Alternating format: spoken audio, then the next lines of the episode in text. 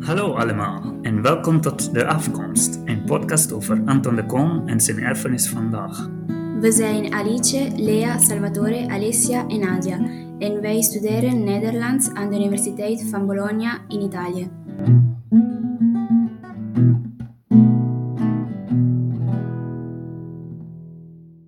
Aflevering 4 Amsterdam en zijn slavernijverleden.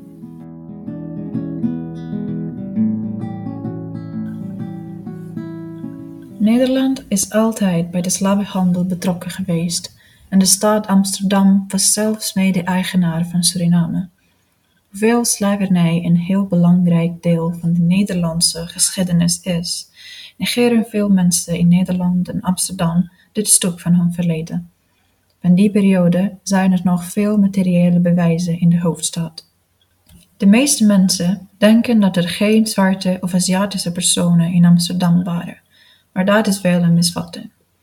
Het is belangrijk om te weten dat het bezit van zwarte dienaren, vooral kinderen, een statussymbool was voor de rijkste burgers.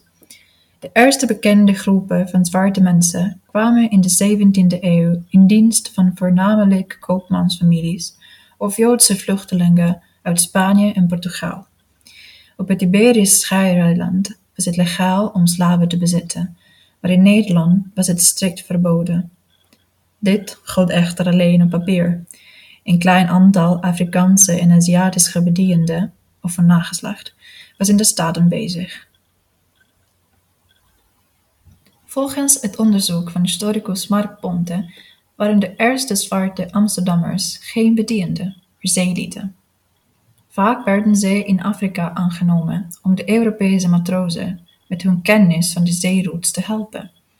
Aan het einde van de reis vestigden ze zich in Amsterdam en richtten zij een vrije gemeenschap, op die in 1650 ongeveer 200 mensen telde.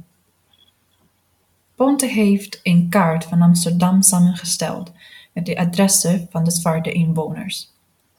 Om dit te doen, heeft hij de informatie van de ondertrouwregisters gebruikt. Daarin werd het adres en de afkomst van elke persoon in Amsterdam geregistreerd, en soms ook hun uitskleur. Doorgaans werden de namen vernederlandst. De meeste zwarte mannen en vrouwen in deze registers heten Pieter, Bastiaan of Lisbeth en hadden achternamen zoals van Congo of van Angola. We kunnen echte sporen van zwarte Amsterdammers in de kunst van de Gouden Eeuw zien, bijvoorbeeld in de schilderijen van een van de grootste kunstenaars van die periode, Rembrandt. Hij heeft meermaals zwarte subjecten geschilderd, bijvoorbeeld de mensen uit de vrije gemeenschap in Jodenbreestraat.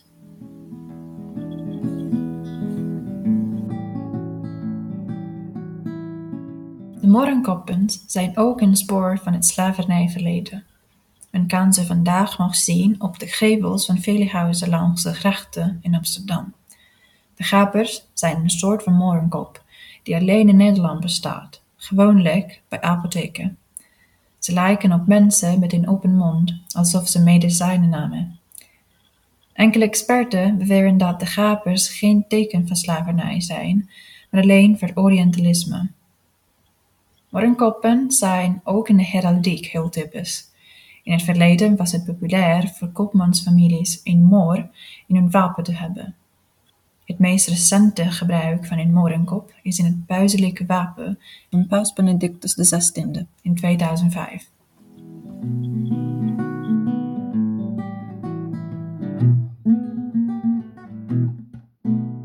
Amsterdam heeft in de afgelopen jaren gekozen verschillende figuren te herdenken, die tijdens hun leven tegen de slavernij en onrechtvaardigheid streden. Om deze reden heeft de staat een standbeeld aan Anton de Kom opgedragen.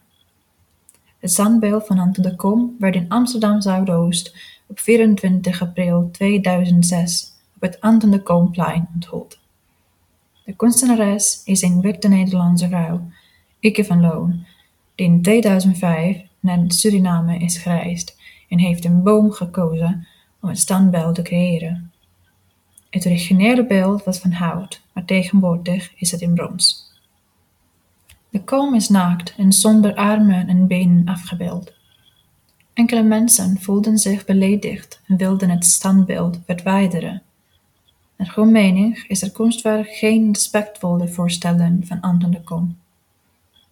De reactie van de gemeenschap is verdeeld. Sommige mensen vonden het leuk en prachtig, zoals bijvoorbeeld de kleindochter van de Kom. Maar enkele tegenstanders zeiden dat het schandalig en racistisch was. Zij wilden de Kom in een waardige manier herdenken. Om deze reden hadden zij het beeld met de Surinaamse vlag bedekt. Dat is heel belangrijk, want kleren waren synoniem van status in de samenleving van de 20e eeuw. De kom was zowel een klassenstrijder als een antikoloniaal strijder. Natuurlijk kan het standbeeld als een beetje vreemd beschouwd worden, maar het is een modern kunstwerk. Want de kom is niet herkenbaar omdat het een abstract beeld is. Misschien was de kunstenares van plan om een debat te creëren en een discussie aan te moedigen. Van Loon heeft veel kritiek gekregen voor haar werk. Ik citeer wat zij op haar website schreef. In 2005 ben ik naar Suriname afgereisd om een grote boom te zoeken zonder gat. Uit deze boom wilde ik een monument hakken van Anton de Kom, Surinaamse vrijheidsstrijder, dichter en verzetsel tijdens de Tweede Wereldoorlog. Ik koos voor het zakken uit het boom omdat het oude beeld dat eeuwen in gebruik is om voorvaderen te eren en omdat hout zo sterk verbonden is met Suriname. Hout straalt kracht uit, onverzettelijkheid en flexibiliteit. Het is veel aardser dan brons. Bovendien was Anton Kom uit het goede hout gesneden. Ik ben teruggekomen met een hele kapes. En zoals een Surinaamse vrouw zei, het geeft mij het vertrouwen dat ook hier weer kan voortellen. Ondanks stevige rellen staat het beeld inmiddels in brons gehouden op het Anton de Komplein in Amsterdam Zuidoost. Het houden beeld is aangekocht door het Rijksmuseum van Amsterdam. In 2021 heeft Femke Halsema, burgemeester van Amsterdam, officiële excuses aangeboden voor de betrokkenheid bij de slavenhandel van het voormalige stadbestuur. Maar toen het wel gebouwd werd, in 2006, wisten de Nederlanders niet zoveel over Anton de Kom en het Surinaamse slavernijverleden. Het is belangrijk voor onze gemeenschap om over het verleden en de geschiedenis van Suriname en de Nederlandse koloniale tijd te praten. In dat opzicht is het standbeeld geen man, maar een symbool, en het staat voor de belangrijke rol van de koom in de strijd tegen discriminatie. In de toekomst, om discussies te vermijden, zou de keuze van zo'n standbeeld meer bottom-up kunnen zijn, zodat iedereen blij is met het resultaat.